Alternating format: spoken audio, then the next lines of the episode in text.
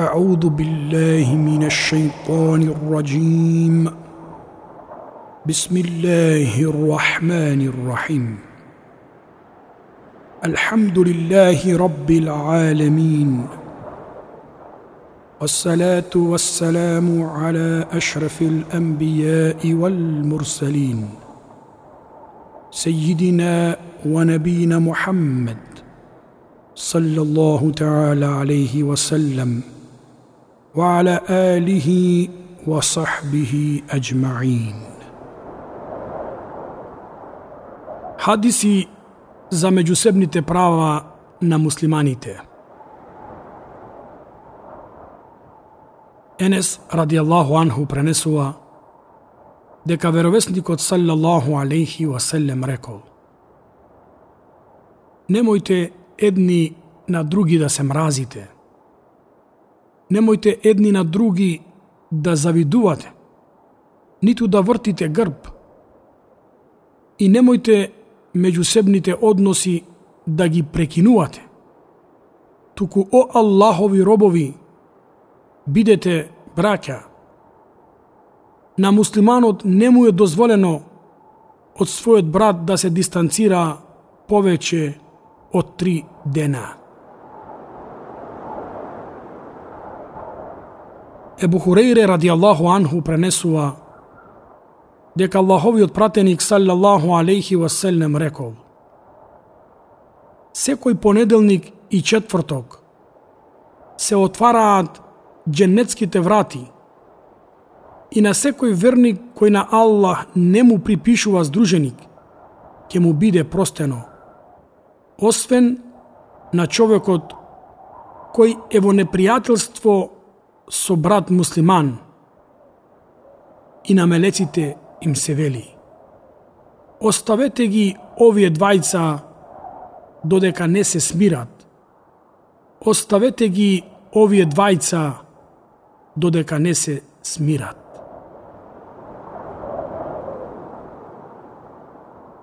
Ебу Хурейре, ради Аллаху анху, пренесува дека Аллаховиот пратеник, саллаллаху алейхи васелем, рекол. Доволно зло на човекот му е да го презира својот брат, муслиман –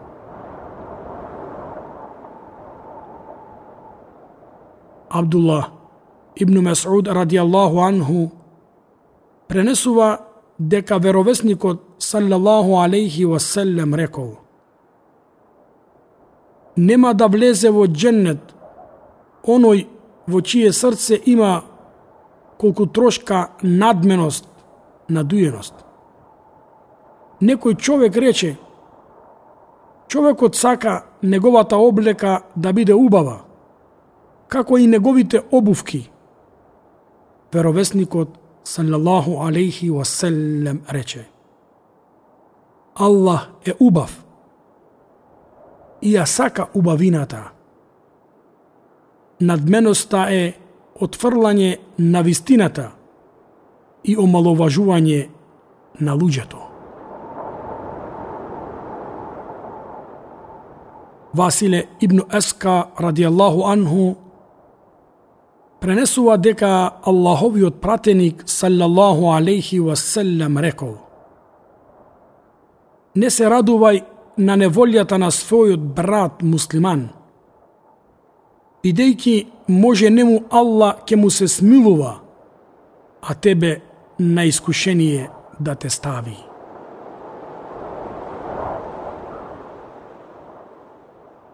Ебу Ајуб Ел Ансари ради Аллаху анху пренесува дека Аллаховиот пратеник саллаллаху алейхи васелем рекол На муслиманот не му е дозволено да го избегнува својот брат муслиман повеќе од три дни.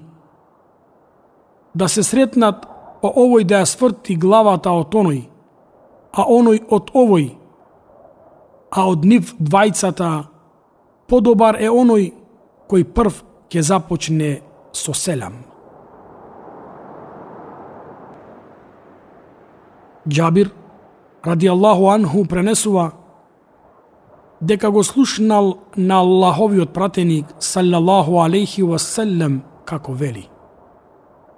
Шејтанот на вистина ја изгубил секоја надеж дека на арапскиот полуостров ќе го обожаваат оние кои клањаат намаз. Меѓутоа тој ќе се обидува да ги боцка и да им уфрла непријателство меѓу нив.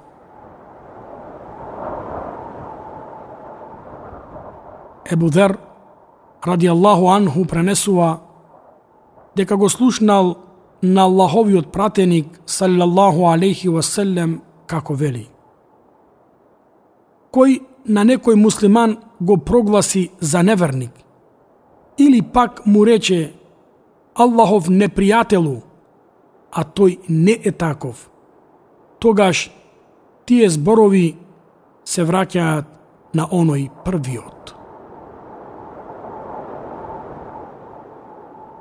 Ебу Хурейре ради Аллаху Анху пренесува дека Аллаховиот пратеник саллаллаху алейхи васелем рекол Возвишениот Аллах ви наредува три нешта, а ви забранува три други нешта. Ви наредува да го обожувате Аллах, здруженик да не му припишувате, и сите заедно цврсто да се држите за Аллаховото јаже и да не се разединувате. А ви забранува бесполезни приказни, многу подпрашувања и упропастување на имотот.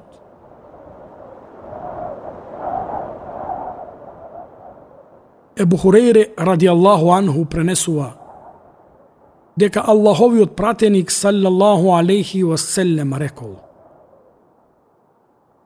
Немојте да вперувате оружје кон брат од муслиман. Оти никогаш не можете да сте сигурни дека шејтанот нема да го истргне од вашите раце и со него да ве погоди. Па поради тоа да бидете фрлени во джехеннемската провалија.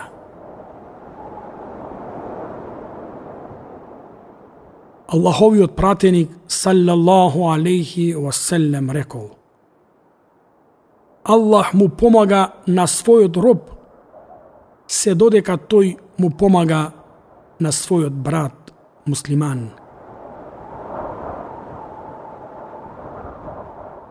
Ебу Дар ради Аллаху анху исто така пренесува дека Аллаховиот пратеник салаллаху алейхи васелем рекол Никако не подценувај, не омаловажувај ништо од добрите дела, па дури и да го сретнеш со ведро лице на својот брат муслиман.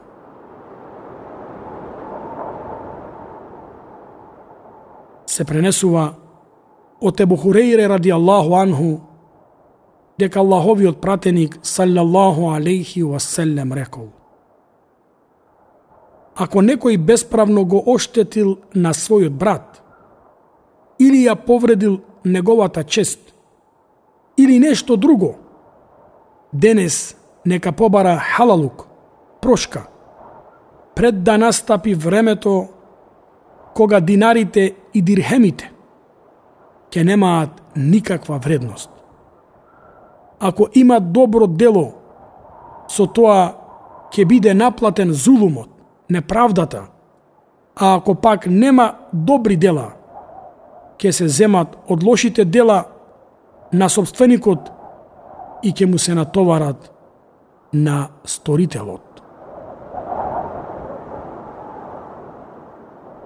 Ебу Умаме и јас Ибн Салебе Ел Хариси пренесува – дека Аллаховиот пратеник саллаллаху алейхи васелем рекол Кој ќе го скрати или присвои правото на некој човек муслиман со својата лажна заклетва. Аллах му го задолжил джехеннемот и му го забранил дженнетот.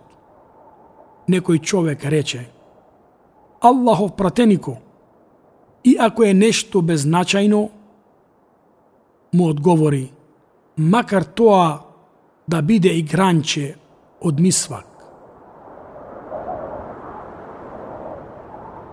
Се пренесува од Ибну Омер, ради Аллаху анху, дека пратеникот саллаллаху алейхи васелем рекол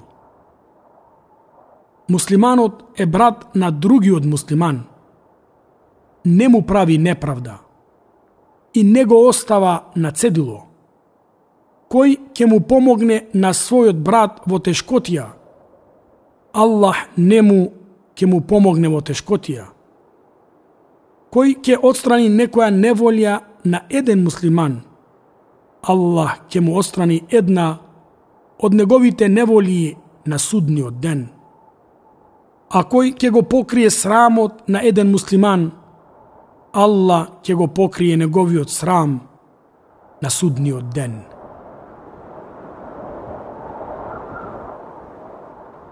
Се пренесува од Тенес ради Аллаху анху, дека Аллаховиот пратеник саллаллаху алейхи васелем рекол Никој од вас нема да верува потполно се додека не му го посака на својот брат она што го посакува за себе си.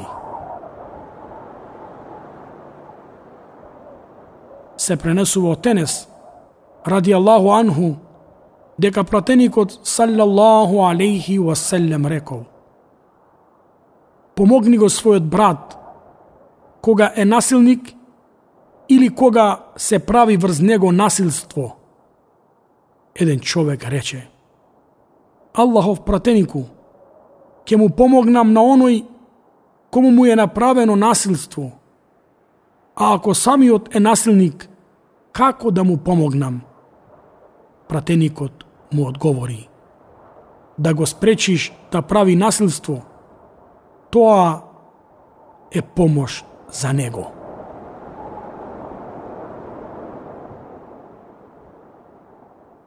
Се пренесува од Ебухурејре ради Аллаху анху, дека пратеникот салјаллаху алейхи васелем рекол.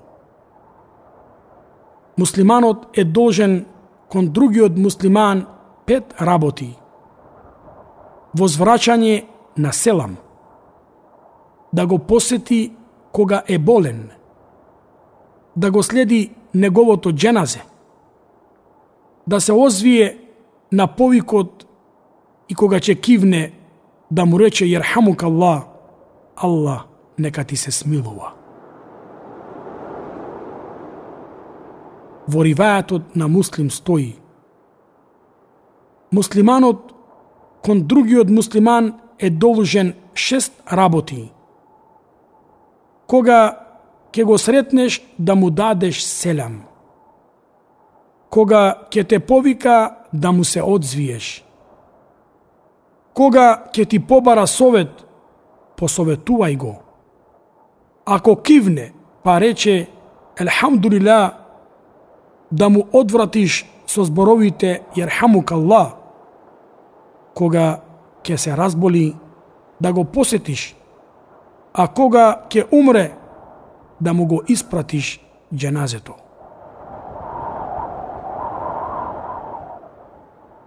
Се пренесува од Ебу Умаре Елбера ибн Азиб радијаллаху анху дека рекол Аллаховиот пратеник салјаллаху алейхи васелем ни нареди седум работи и ни забрани седум работи.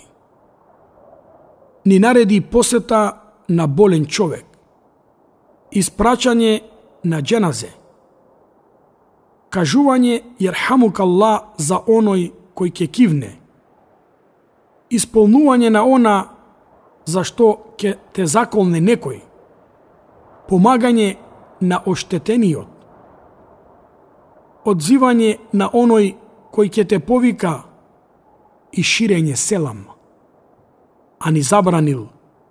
Носење златни прстени, пиење од сребрени садови, спиење на свилени перници, носење свилени кошули.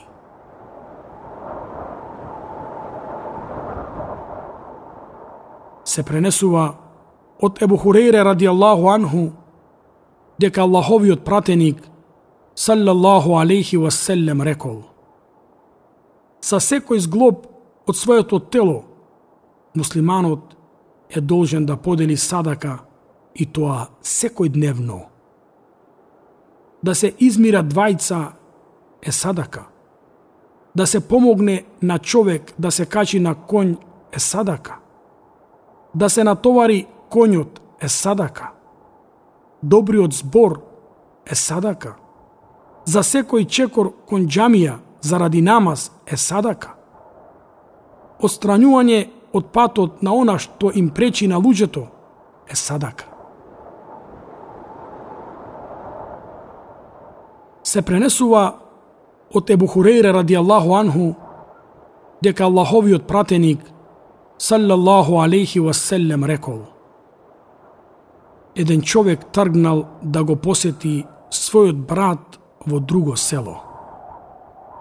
И Аллах му нареди на еден мелек да го сретне на пат. Кога дојде кај него, му рече, каде одиш? Одговори, сакам да го посетам братот во ова село. Праша, да не одиш кај него заради некоја потреба? Одговори, не, бидејќи го сакам заради Аллах, одам само да го посетам. Рече, Јас сум Аллахов пратеник до тебе да те известам дека Аллах те засака. Така како што ти го засака него заради Аллах.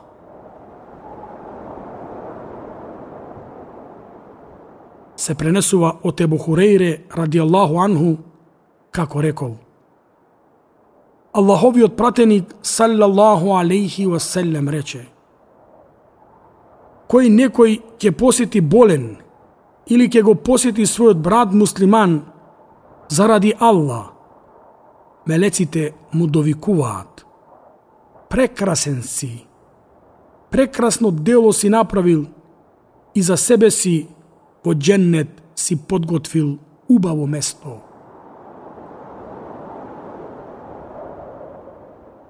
Ебу Саид Ел-Худри, ради Аллаху анху, пренесува дека Аллаховиот пратеник саллаллаху алейхи васелем рекол Дружи се само со верник и нека твојата храна ја јадат само богобојазливите.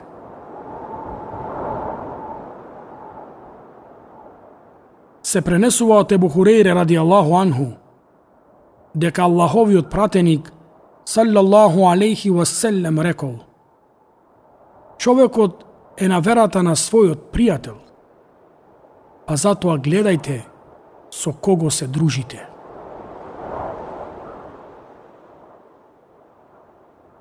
Се пренесува од Тенес ради Аллаху анху дека Аллаховиот пратеник саллаллаху алейхи васелем рекол Три својства кај кого ќе се најдат, ќе ја почувствува сласта на верувањето. Аллах и пратеникот негов да ги сака повеќе од што било друго. Да го сака братот муслиман само заради Аллах. И да не сака да се врати во куфр, неверство, откако Аллах го избавил од него, како што не сака да биде фрлен во оган. се пренесува од Ебу Хурейре ради Аллаху анху дека Аллаховиот пратеник саллаллаху алейхи васелем рекол Седом видови на луѓе Аллах ќе ги заштити под својата сенка на денот кога нема да има друга сенка освен сенката на Аллах. Праведниот владетел – момче кое е посветено на ибадет на Аллах Аззеоджел, човек чие срце е врзано за џамијата. Двајца кои се сакаат заради Аллах и остануваат така и кога ќе се здружат и кога ќе се разединат. Човек, кого ќе го викне добра и убава жена, па ќе и рече, се плашам од Аллах. Човек кој дели садака тајно, до таа мера што левата рака не знае што дели десната рака. И човек кој ќе се сети на Аллах, кога е осамен и ќе му потечат солзи од неговите очи.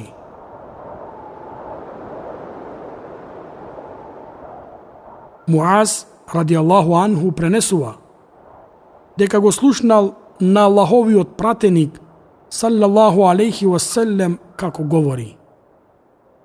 Возвишениот Аллах кажува, Оние кои се сакаат во Мое име, ќе бидат на светлосни мимбери, а на тоа ќе им завидуваат и веровесниците и шехидите.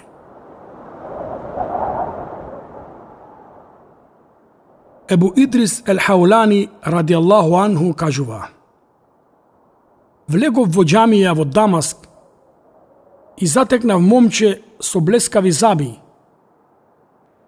и некои луѓе кои седеа околу него.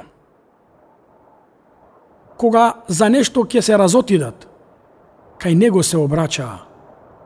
оставајќи го своето мислење и прифакајќи го неговото. Прашав за него, па ми беше кажано, ова е Муас ибну Джебел, ради Аллаху анху. Утредента поранив, но тој веќе беше во джамија и кланяше. Почекав додека заврши со намазот, а потоа му придов и го поселамив. Му реков, жими Аллах, јас те сакам во име на Аллах. А тој праша, зарем во име на Аллах? Одговорив да. А Муас пак го праша, на вистина во име на Аллах? Јас пак одговорив да. Тогаш ме зеде за појас, ме повлече кон себе и рече, радувај се. Го слушнав на пратеникот саллаллаху алейхи васелем како говори. Возвишениот Аллах рекол, Мојата љубов е загарантирана за оние кои се сакаат во мое име, за оние кои се дружат во мое име, за оние кои се посетуваат во мое име и за оние кои се помагаат меѓусебно во мое име. Ебу Хурейре ради Аллаху Анху пренесува дека Аллаховиот пратеник салјаллаху алейхи васелем рекол Кога возвишениот Аллах ќе го засака својот роб, го повикува на Джибрил и му вели Возвишениот Аллах го сака тој и тој, па и ти засакај го. Потоа Джибрил го засакува, па ги повикува жителите на небесата и им вели Аллах го сака на тој и тој и вие засакајте го. Па потоа жителите на небото го засакуваат. После тоа Аллах му дарува убав прием меѓу жителите на земјата.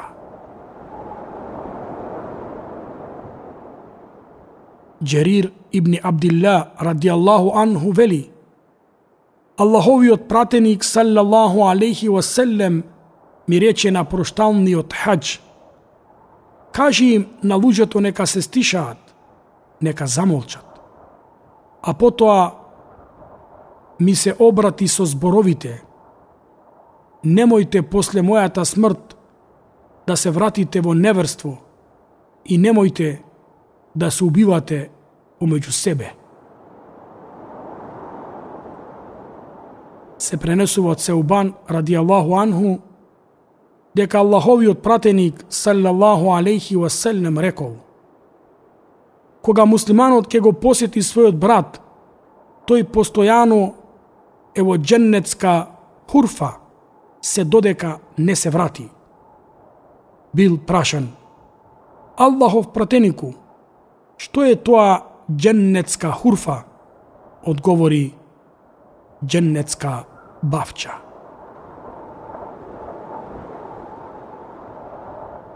Ебу Дерда ради Аллаху анху пренесува дека Аллаховиот пратеник саллаллаху алейхи васелем рекол Аллах ја прима довата која човекот скришум му ја упатува за својот брат муслиман. Кај неговата глава се наоѓа мелек, кој е задолжен секој пат.